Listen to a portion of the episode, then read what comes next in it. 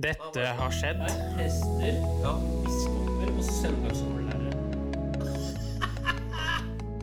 All right! Generation X versus Z. Sandberg Productions presenterer Den ekte samtalen om og med generasjon X og Z. Hold deg fast og nyt. Hei, hei, kjære lytter, og hjertelig velkommen til eh, dagens episode av Generasjon X versus dette. Og i dag, kjære kompanjong, så skal vi fra salmeboka til eh, en greie som heter for The Death Row All Stars. Ja, eh, det er vel en viss Kan bli en sammenheng likevel, da. Ja, hvis man ser på det veldig liberalt. Eh, ok. Men eh, hvorfor tema, Henrik? Nei, for det var en gruppe innsatte på Death Row i Wyoming som ble tvunget til å spille baseball for eh, liv og lemmer på tidlig 1900-tallet. Året er 1911, og måneden er eh, juli. Unnskyld meg, men det du forteller der, Henrik, er altså det minner meg om en eller annen film jeg har sett tidligere. Ja. Altså, er det blitt sånn Hollywood-filmaktige greier? Ja, det er skrevet bøker om det, og det er filmatisert og alt mulig. Det har de, ja. Ja, ja. Nei, da, da kjenner jeg en historie. du gjør det. Men eh, at det var så langt tilbake i tid, da, sånn 19... et eller annet, 11, det overrasker. Men eh, ja, ja, nei, jeg gleder meg til historien din, da. Ja, Historien er ganske enkel. Det er eh, rett og slett at eh, fengselsfolk blir korrupte inne i Wyoming der. Og så blir det en greie, da. At de begynner å gamble i baseballmatcher eh, mot frie menn, da. Mot frie menn. Ja. Og betingelsen for at de skulle få omgjort om det, var at de skulle vinne fire matcher. Ok. Noe de også gjorde. Ja, fikk fangene Fikk det noe privilegium? Var eh, advart, eller? De fikk et privilegium, ja. Det Ja. riktig, det. Det var at henrettelsene på dem ble utsatt. Fy faen. altså. Ja. Jo da. Eh, Det er jo en motivasjonsfaktor i seg selv, for å si det pent. Ja, det kan man si. Mm. og hva gjør man ikke for liv og lemmer? Ja da. Det er uh, godt poeng. Og det heter jo da The Wyoming State Penitentiary All Stars. eh, av den grunnen, da. Ok. Men uh, det var sånn uh, De spilte mot ordinære lag, altså? Ja. Jeg bare ser for meg sikkerhetsoppbuden når de spilte, liksom. Nei, de dro jo aldri ut, da. De ordinære lagene kom til. Wyoming. Jeg bare tenker på den som spilte mot dem. Uh, ja. Nei, men det kan være en annen story, kanskje. Mm. Ja. Uh, og det her var jo i en tid hvor gambling var forbudt i USA. Ja, ok. Vet du hva jeg husker fra filmen i hele tatt? Så var fengselsdirektøren promotoren nærmest for hele smæla. Ja, det er riktig, det. Og den direktøren var også gjennomkorrupt. Å, fy faen, altså. Nei, eh, altså det som eh, var litt morsomt her, det var jo at eh, de levde jo i det håpet da, om å få dommene sine omgjort til livstidsdommer eller sånt noe, hvis de vant. Ja, for de ble populære, ble de ikke? Jo da. De fikk jo sånne fanklubb-klubber rundt omkring og sånn. Gjorde de ikke det? Jo da. Fikk det, vet du. Ja, det var det jeg minnes. Det var jo ja, voldtektsmenn, tyver, mordere. Ja. Skyldige som uskyldige, tenker jeg. Ja. Hva tenker du nå? Hæ? Hva tenker du nå, Vene? Nei, nå skal jeg spille av et klipp som forklarer det i litt mer detalj. Ok, ja. Kjør på. Den er grei. When the Wyoming State Penitentiary was opened in 1901, it was one tough place. This was a time when the West was called wild and the outlaws pervaded the land. Still, not long before the prison was opened, you could say that criminals faced a rougher kind of justice if apprehended. Take, for instance, the story of the killer and robber Big Nose George Parrott. He was arrested in 1881 and was sent to the local jail in Rawlins. Big Nose, who certainly had quite the snout, must have thought his luck was in when he busted out of that jail. But it turned out that his rescuers were a local lynch mob. These townfolk weren't willing to wait for the authorities to deal with him. Around 200 of them strung Parrott up from a telegraph pole. Physicians managed to get hold of his body, but get this his hmm. skull ended up being someone's ashtray, and parts of his skin were made into a death mask and a pair of shoes. The third governor of the state of Wyoming, Mr. John Eugene Osborne, actually wore them to his inaugural ball. If that sounds grim, you should know that many crazy things went down these days. Opening a penitentiary for housing prisoners there was somewhat more progressive than mob rule. Still, if you found yourself locked up around the time of the beginning of the 20th century, you could be sure that you weren't getting much sympathy from the townspeople you had stolen from beaten up, or killed. No one blinked an eye when rustlers and murderers were treated inhumanely by a well respected, eminently wealthy businessman named Otto Graham. You could say that this man made hay while the frontier crime rate was off the scales. He had a contract with the prison in the early days and pretty much ran the place. For every criminal that entered the prison, he received 57 cents per day per prisoner from the state. But he also ran the prison's broom factory and took all the profits from that. Inmates at the time complained that Graham was a man from the Dark Ages, saying that he had made the men work ungodly hours and barely fed them. They drank out of tomato cans and were given just enough food to prevent starvation. Rancid food at that. So, in the first decade of the 1900s, Wyoming State Penitentiary was hell on earth. But for Graham, it was a goose laying a lot of golden eggs. Not surprisingly, morale in the prison was low. Prisoners had tried to escape and were killed while doing so. They killed each other, and on occasions, guards were murdered. In 1911, the progressive Senator Joseph Carey campaigned to get rid of Graham, and after he won the governor's race, he made Sheriff Felix Alston the big boss in the prison. This man, who'd been a gold miner, a water and ice man, a farmer, a national park guide, and a justice of the peace before becoming a sheriff, didn't believe that working the prisoners close to hmm. death was a way to fix their wicked ways. The broom days were over, and instead of hard labor, prisoners were educated and also entered intense physical fitness programs. When they weren't doing those things, they were sent out in gangs to fix the state's roads. This was a breath of fresh air to the prisoners, some of whom had never even been outside since the prison opened. They were no longer making brooms and pining for a square meal, but were being fed and enjoying activities in the prison yard. What activity did they enjoy most? Baseball, of course, the USA's favorite sport at the time. One day, Warden Alston was watching the men play and he thought, God damn it, some of those men ain't half bad. In fact, he mused while watching the men hit balls over the uh-huh. wall and throw curveballs that some of them would stand a chance of becoming professional. Alston got talking to his old friend, Governor Carey, and asked him if it'd be okay if the prison formed a baseball team. Carey wondered if forming a prison team could be a bit of fun, and he gave Alston the green light. Carey was also partial to gambling. This will tie into the story soon. The men were bought brand new uniforms and practiced as if they were professional players. They called themselves the Wyoming State Penitentiary All Stars. And while the public thought the whole thing was a farce, the inmates would not only prove them wrong, but would change the public's perception of them. One person that absolutely hated the fact that the team had been made was Graham, who still held the belief that prisoners needed to be treated like animals. Not only that, he had the hopes that one day he might start his ultra profitable broom operation again. It was arranged that the All Stars would play their first game against a local team called the Wyoming Supply Company Juniors. No one gave them a chance, of course, because how could prison criminal vermin organize themselves and beat a team filled with real athletes? Imagine hearing the lineup. Leroy Cook at first, bludgeoned to death a barber and stole his money. On second, George Sabin, convicted of second degree murder. On third, Jack Carter, who shot and killed an old hermit, cut him up and burned his remains in the fireplace. Pitcher William Boyer stabbed his father to death with a letter opener.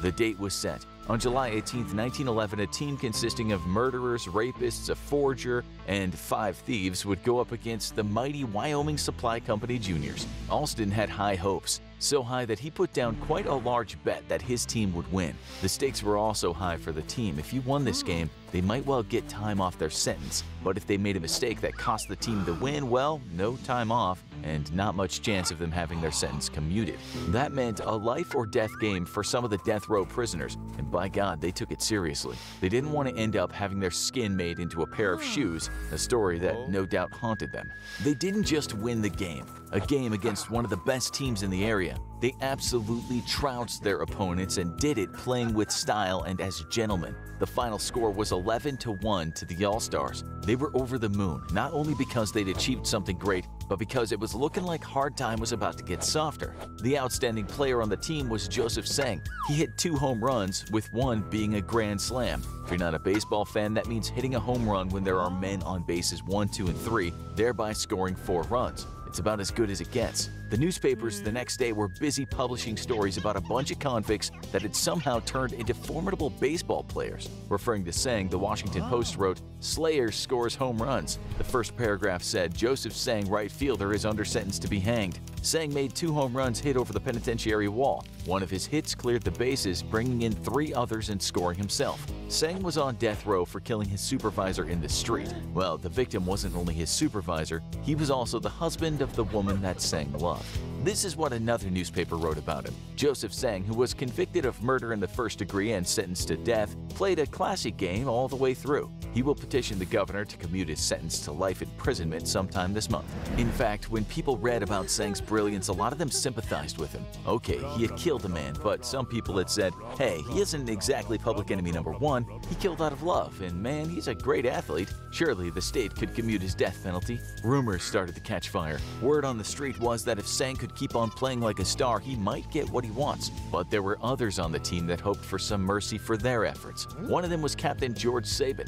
The tale thickens here. You see, Sabin was arrested after he killed three sheep herders. He snuck up on them one night and shot them all dead, which really were cold-blooded killings. The thing was, though, those slayings were part of a long dispute between herders and cattle ranchers that had taken other lives. These conflicts were known as the Sheep Wars. There were actually local politicians that thought Sabin was in the right for doing what he'd done. Let's not forget, this was the Wild West. Another thing was the fact that Sabin was actually a friend of the prison warden Alston. It had been Alston that arrested him, and while he didn't want to put a close friend behind bars, he really didn't have much choice. He got 25 years for his crime but was made the captain of the team and was allowed to leave the prison at times. What did he do when he was on the outside, you might wonder? Well, much of his free time was spent going around to the local saloons and brothels and talking to men who liked to make bets. He then told them all about his crack team of players and just how good Sang was. Sabin would take 20% of their winnings if they bet. He was also in cahoots with Alston,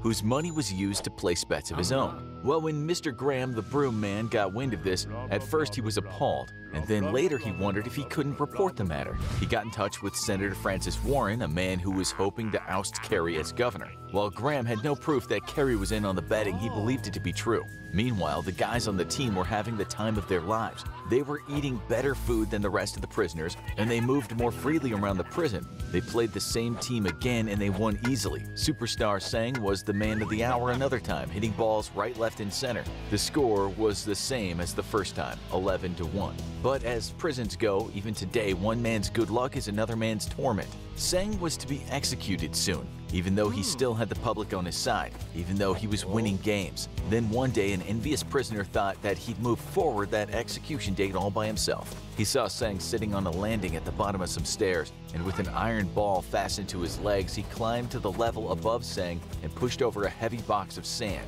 It would have hit and killed Sang had he not at the right moment moved to the side. They won their next game 11 to 4 and again Sang was the standout player, hitting home runs with as much ease as a major league player playing against a junior high school team. 3 games to 0 and Sang was the hero every time. Surely they'd not hang him by a rope.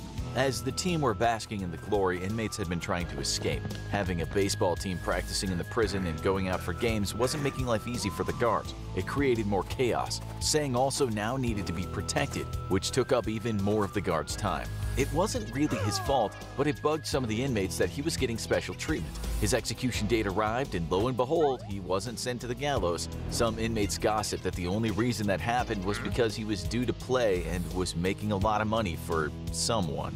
They won their fourth game against the same team, but not with as much ease as they'd won the other games, the final score being 15 to 10. Over the course of 15 months, they won time and again, raking up a total of 39 wins and 6 losses, with each game being played in front of raucous supporters. In total, $136,000 had been bet on them, which is almost 4 million in today's money. It's thought that a lot of the winnings went into the pockets of local politicians and their election campaign funds.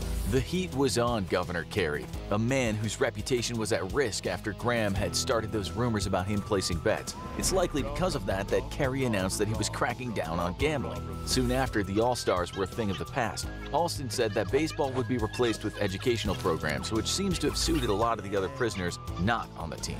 As for Superstar Sang, well, at least he got to live a little longer than he would have if he hadn't hit balls out of the park. It wasn't good enough, though, and he was hanged on May 24th, 1912. 350 locals had petitioned the government to commute his sentence, but it didn't work. The man that once hit a ball through a third story window in the guards' quarters of the prison wasn't going to escape the dreaded noose. Before his death, Sang said, I never received a square deal until I was brought to the penitentiary. He was grateful for having been able to play the game he loved, at least for a short while. At 2:45 a.m., the moonlight shining on the gallows, he took his final breath. The local newspaper wrote the next day his steps were steady and he went to his death in a manner which stamped him as a brave man. Ja, det var litt av eh, en historie der. Ja, det var eh, morsomt. Men du, si meg én ting. Ja. Hvorfor skal det være mye sånn, mus sånn musikk i bakgrunnen, liksom? Nei, det er for å skape en stemning, da. Vil jeg tro. Ja, ok. Nei, jeg bare syns det var litt høyt, liksom. Ja, men det kan jo ikke du gjøre noe med. Det kan ikke vi gjøre noe med. Sorry. Men sånn er det. Men jeg føler litt for humor, jeg. Ja, da skal du få det.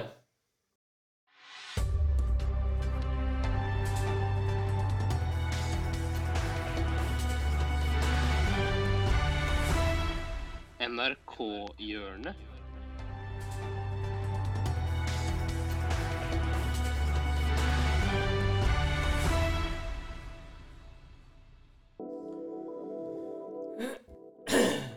好吧。哎呦。Ja. Og Tara, du er klar for eh, dagens eh, første pitch. Ja. KI-generert roman. Eh, og jeg venter i hvert fall i spenning. Er det noe du har lyst til å si før du uh, går i gang? Nei, jeg kan, jo, jeg kan jo bare fortelle om de stikkordene jeg har bedt uh, Ja. KI lage en historie ut ifra. Mm. I mandagsepisoden så snakket vi om at Abu, du ble jo vitne til en i Vibesgata at ingen bruker gardiner. Riktig. Og veldig mye innsyn, og det har jo inspirert meg veldig. Ja. Som en person som ikke bruker gardiner. Eh, Tara, hva er det du har eh, skrevet som eh, kommando? Eh, mm. En person som har innsyn til blokken eh, ovenfor sin egen blokk, hvor ingen bruker gardiner.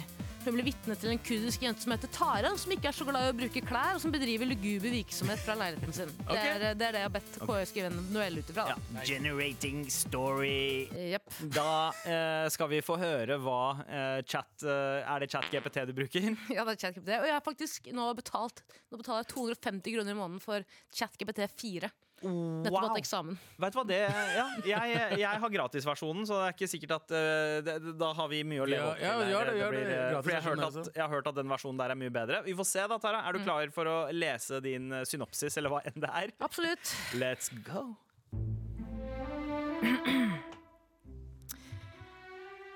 I en leilighet i blokken ovenfor hadde ingen gardiner. En nysgjerrig person som hadde innsyn og ble vitne til de ekstreme hendelsene der. Leiligheten tilhørte en kurdisk jente ved navn Taran, som aldri brukte klær og virket å drive en høyst uvanlig virksomhet hjemmefra. Hver kveld kunne naboene se Tara danse naken i vinduet, mens hun snakket i telefonen med et lurt smil om munnen. Ryktene spredde, eh, gikk om at hun hadde arrangert elleville fester, med temafester som nakenkaraoke og strippebingo. En dag bestemte en nysgjerrig person seg for å utforske nærmere. Han snek seg inn i leiligheten til Taran og ble overrasket over hva han fant. I stedet for en skummel virksomhet oppdaget han en gruppe mennesker som hadde samlet seg for å ha det gøy og feire nakenheten sin. Taran var en naturist som arrangerte festlige nakenfester i sitt eget hjem. Ryktene ble avkreftet, og naboene, eh, nabolaget begynte å feire mangfoldet og den uvanlige livsstilen til Taran.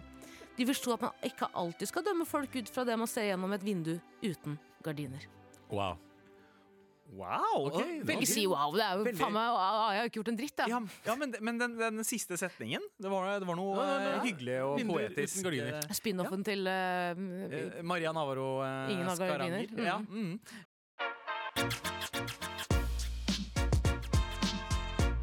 Med all respekt. Du hører med en del pod, eh, Henrik. Og du, du finner jo fram, da. Og det, det, er, jo, det er jo gull i seg sjøl, altså. At jeg finner fram, eller det jeg finner fram? Det er både, både noen ganger det du finner fram, for eh, du, det, du, har, du har noen kostelige eh, refleksjoner noen ganger. Altså, det, det skal du ha. Men at du, det at du også finner fram, da. Ja, Det å finne fram er jo veldig enkelt. Altså. man bruker ufattelige mengder tid i eh, NRK Radio-appen, eh, som er en veldig god app. Mye får du av NRK å si alt det der. Ingenting. Det er ren gratis reklame. Jeg får ikke penger fra NRK. Ok. Men tusen takk for nå, Henrik. Og jeg bare gleder meg i morgen, Fordi da kommer vi ut med en ny pod. Ha det godt, da. Ha det godt, du? Tusen takk for at du fulgte oss. Eh, Gi gjerne tilbakemelding, likes eller kommentar på Facebook-siden vår Generation X versus Z. Velkommen igjen til neste podkastepisode. Hei då!